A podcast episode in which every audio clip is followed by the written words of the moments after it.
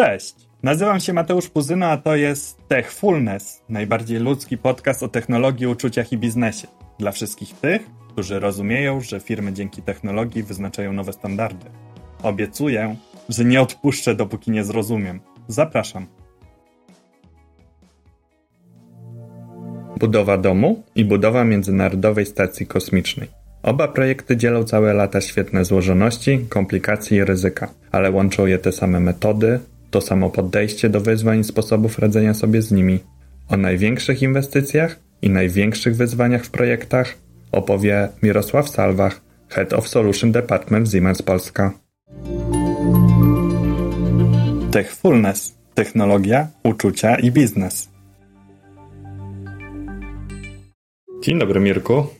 Cześć. Cieszę się, że zgodziłeś się przyjść do naszego studia, ponieważ jesteś człowiekiem, który to w zasadzie całe swoje życie dorosłe, zawodowe spędził na projekcie. Tak jest. Prawie 25 lat, od podstaw, wszystkie stanowiska, wszystko z projektami związane. Tematem dzisiejszego spotkania jest właśnie projekt, szeroko rozumiany. Czym jest projekt? Projekt właściwie wszyscy znamy. No, projekt to jest jakieś przedsięwzięcie rozłożone w czasie z określonymi kamieniami milowymi, etapami milowymi, które należy zrealizować i musimy osiągnąć jakiś efekt. Jakie to są kamienie milowe? To są etapy. No, możemy przywołać najprostszy, który wszyscy znamy, budowy domu. Czyli zaczynamy pewnie od wyboru projektu. Jest też oczywiście etap w pewnym sensie poboczny, wybrania finansowania, później technologii budowy, podwykonawców, poddostawców różnych technologii. A w większym zakresie no, to są większe projekty, czyli te projekty mają standardowe jakby takie same same elementy, czyli jest zakres, jest jakaś skomplikowaność techniczna, jest oczywiście harmonogram, budżet, no i oczywiście z tym związana idzie odpowiedzialność. Czyli chcesz mi powiedzieć, że każdy projekt, niezależnie czy to jest budowa domu, czy to jest projekt budowy elektrowni, można podzielić na takie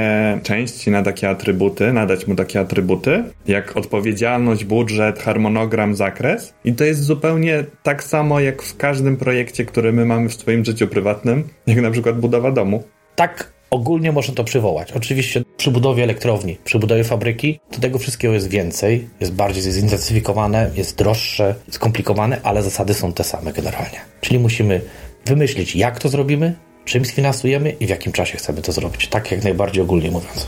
A czy na przykład ślub, projekt ślub możemy nazwać projektem? Ja się żeniłem 20 ponad lat temu, ale jak sobie przypomnę ilość tych rzeczy, jakie należało zorganizować, no to był projekt. Tym bardziej, że byłem wtedy na początku do swojej pracy zawodowej, to nie wiedziałem jak to robić, także bardzo mnie to zajmowało i też stresowało, także jak najbardziej to też jest projekt. A czy po latach, jak prowadzisz te duże projekty, to dalej się stresujesz? Oczywiście. To jest nieodłączny element. Oczywiście potrafię lepiej radzić sobie z tym stresem. Mam swoje wyuczone metody, bo najważniejsze jest poradzić sobie z problemami i iść dalej. Nie dać się zapętlić w jednym momencie, no bo musimy iść do przodu. Pozwoli, że do tego wątku stresu i tego, jak sobie z tym radzić, wrócimy jeszcze w dalszym części naszego spotkania, ale chciałem Cię zapytać, jak możemy podzielić projekt. No tych podziałów jest wiele. Na dzisiaj może przywołajmy taki podział na projekty miękkie i twarde. No projekty twarde to są te właśnie budowa domów, fabryki infrastrukturalne, autostrady, wszelkiego typu przedsięwzięcia, a projekty miękkie są związane z edukacją, że musimy wytworzyć jakąś integrację społeczną, wsparcie rynku pracy. Czy ja dobrze rozumiem, że chodzi tu o produkt końcowy, który dostarczamy, czyli w tych twardych my fizycznie coś budujemy, a w tych miękkich dostarczamy pewną wartość intelektualną, jakąś wiedzę, dzielimy się czymś czymś nienamacalnym. To zawsze jest produkt. Tak jak mówisz, to są produkty bardzo widoczne, wizualne, a rzeczywiście wytworzenie jakiegoś wsparcia rynku to może nie jest takie wizualne, ale to też jest produkt. Czy są jakieś jeszcze inne podziały projektu?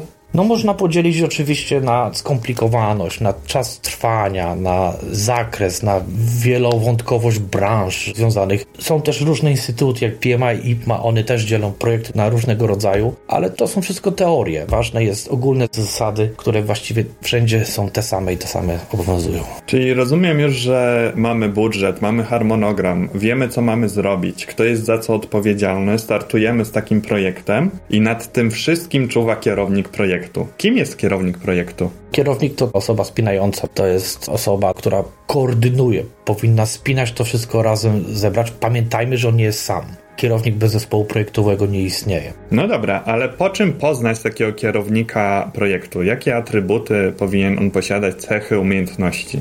Powiem tak.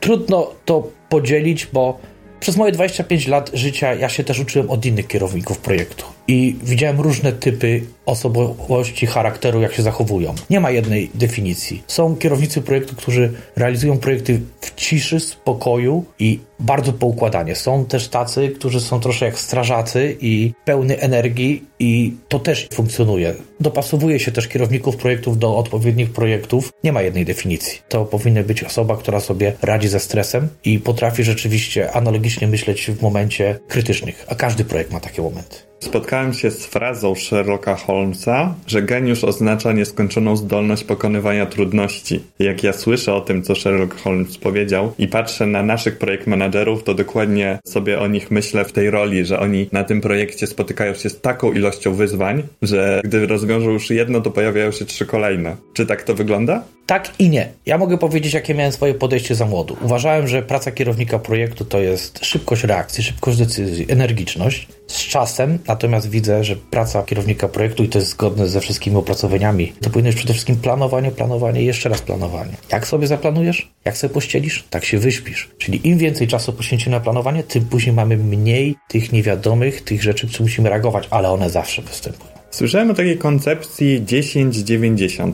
Czy możesz o niej powiedzieć coś więcej? Ona opisuje właśnie, że powinniśmy spędzić 90% na planowaniu, a 10% naszej aktywności to jest radzenie sobie z tymi wydarzeniami niezaplanowanymi, nieznanymi. Tak jest w idealnym świecie. Ale czy faktycznie tak jest? Czy ty dwoma rękoma się pod tym podpiszesz, że 90% czasu poświęconego na projekt to powinno być planowanie? Tak, dzisiaj tak. W pełni podpisuję się pod tym. W ciągu 25 lat miałem różne projekty. Miałem naprawdę projekty kiepskie, źle przygotowane, źle poprowadzone, ale też miałem projekty lepsze i zawsze było jedno i to samo. Im więcej czasu miałem możliwości poświęcenia planowania, tym później było łatwiej. Techfulness technologia, uczucia i biznes. Dobrze, zatem jak mówisz, że 25 lat jesteś na tym rynku projekt menadżerów, osób, które zarządzają projektami, to powiedz proszę, jakie projekty prowadziłeś? Od czego zacząłeś? Najpierw zacznijmy od tego, że to nie jest 25 lat bycia kierownikiem projektu. Zaczynałem od stanowiska inżyniera budowy. Uczyłem się, pomagałem. Następnie zdobyłem uprawnienia budowlane, mogłem być kierownikiem budowy. I następnym krokiem był kierownik projektu, aż w końcu miałem też taki duży projekt, gdzie byłem dyrektorem projektu.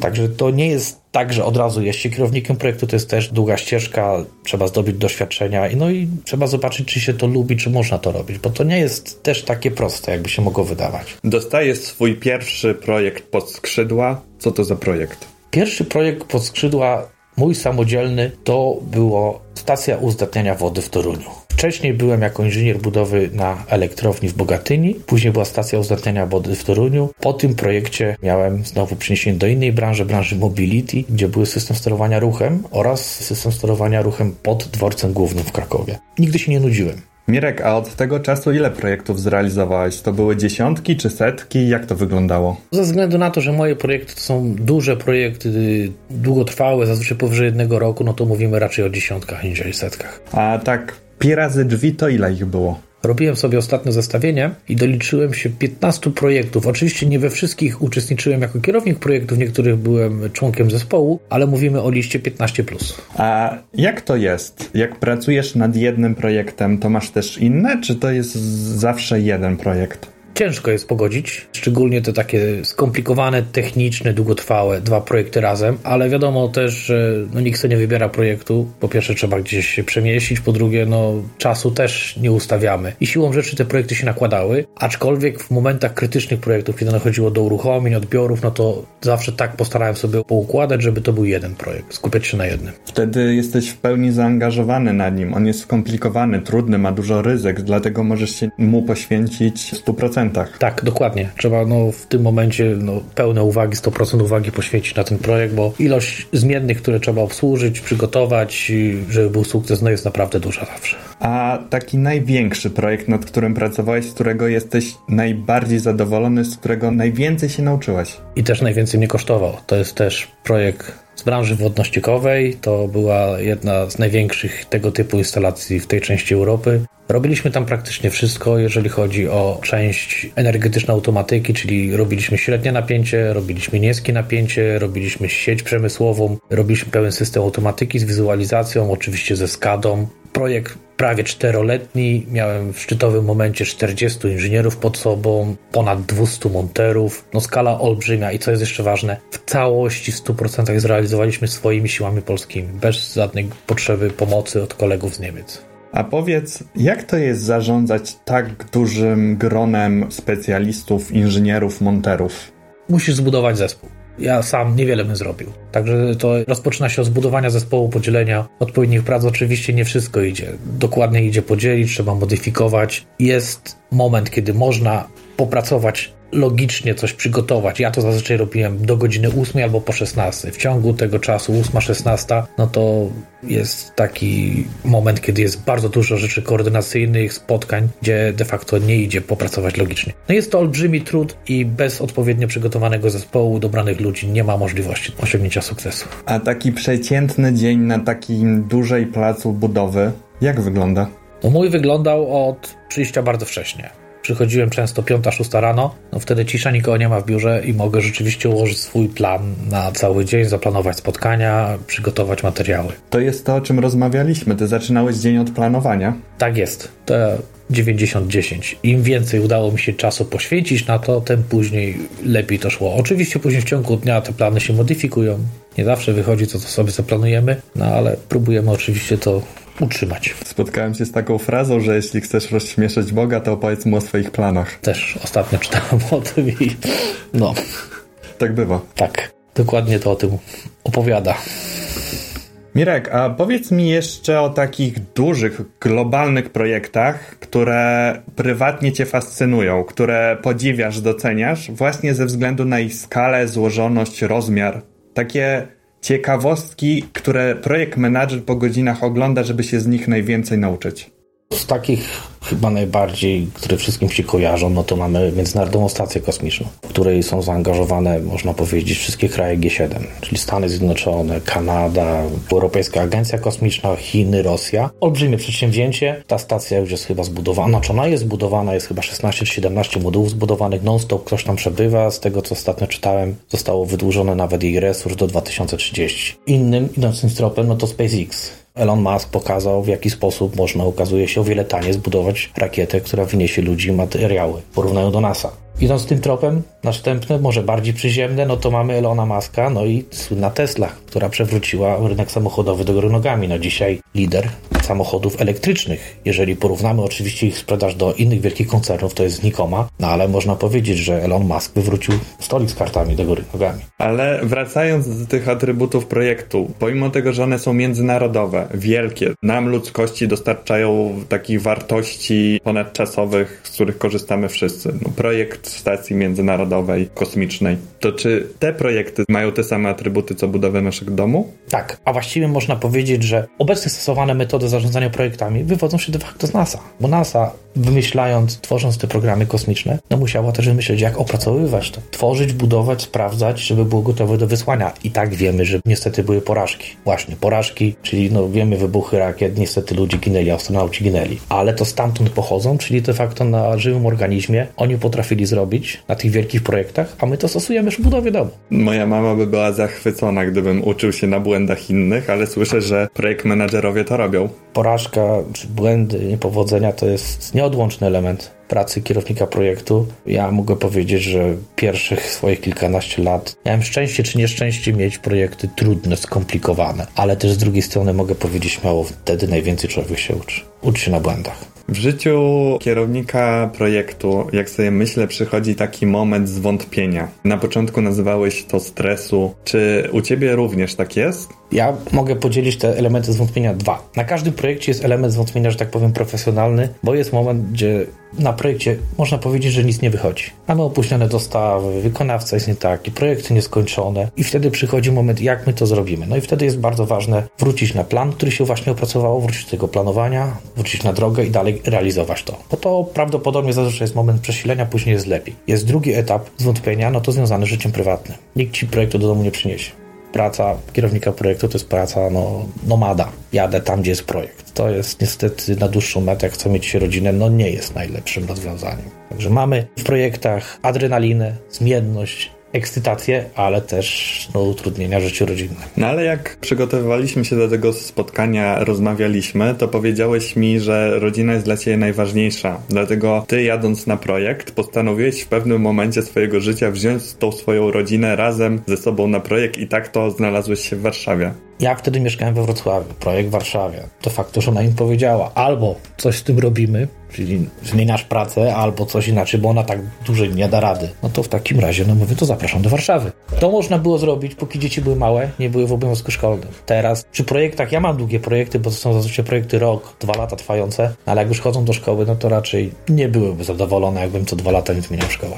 To jest taki projekt menadżer, który właśnie miał pewne wyzwanie, którym zarządził, jak widać. Żona na to przystała, także gratulujemy. Ale powiedz, co aktualnie budujesz? Aktualnie w branży Industrial Logistics.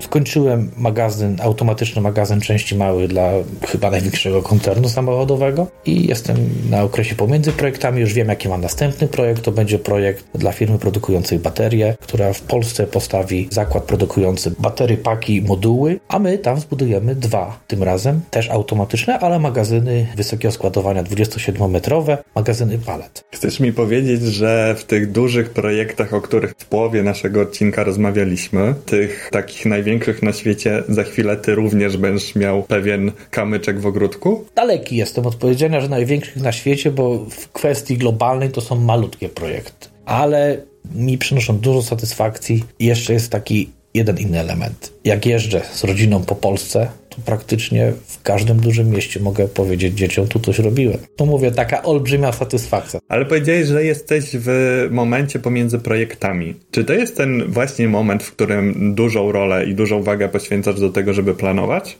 Tak, to jest najlepszy moment właśnie podsumowania poprzedniego projektu, odpowiedniego tego ewidencjonowania, wyciągnięcia lekcji z tego i przeniesienia tych lekcji na następny, no i planowania następnego projektu.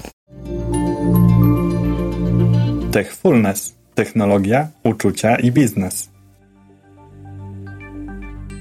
Współczesny nomad, jak sam się określiłeś, osiadł w Warszawie, nie zamierzasz już się przenosić. Dalej jesteś na projektach. Powiedz, jak projekt manager, jak Mirosław Salwach odpoczywa? Tu cię zaskoczę, bardzo tradycyjnie. Jedno, co bardzo pilnuję pracując w delegacji, że staram się praktycznie wszystkie weekendy święta być w domu i oczywiście dla siebie i dla mojego zespołu bardzo pilnuję, żeby minimum co roku każdy miał dwa tygodnie wakacji.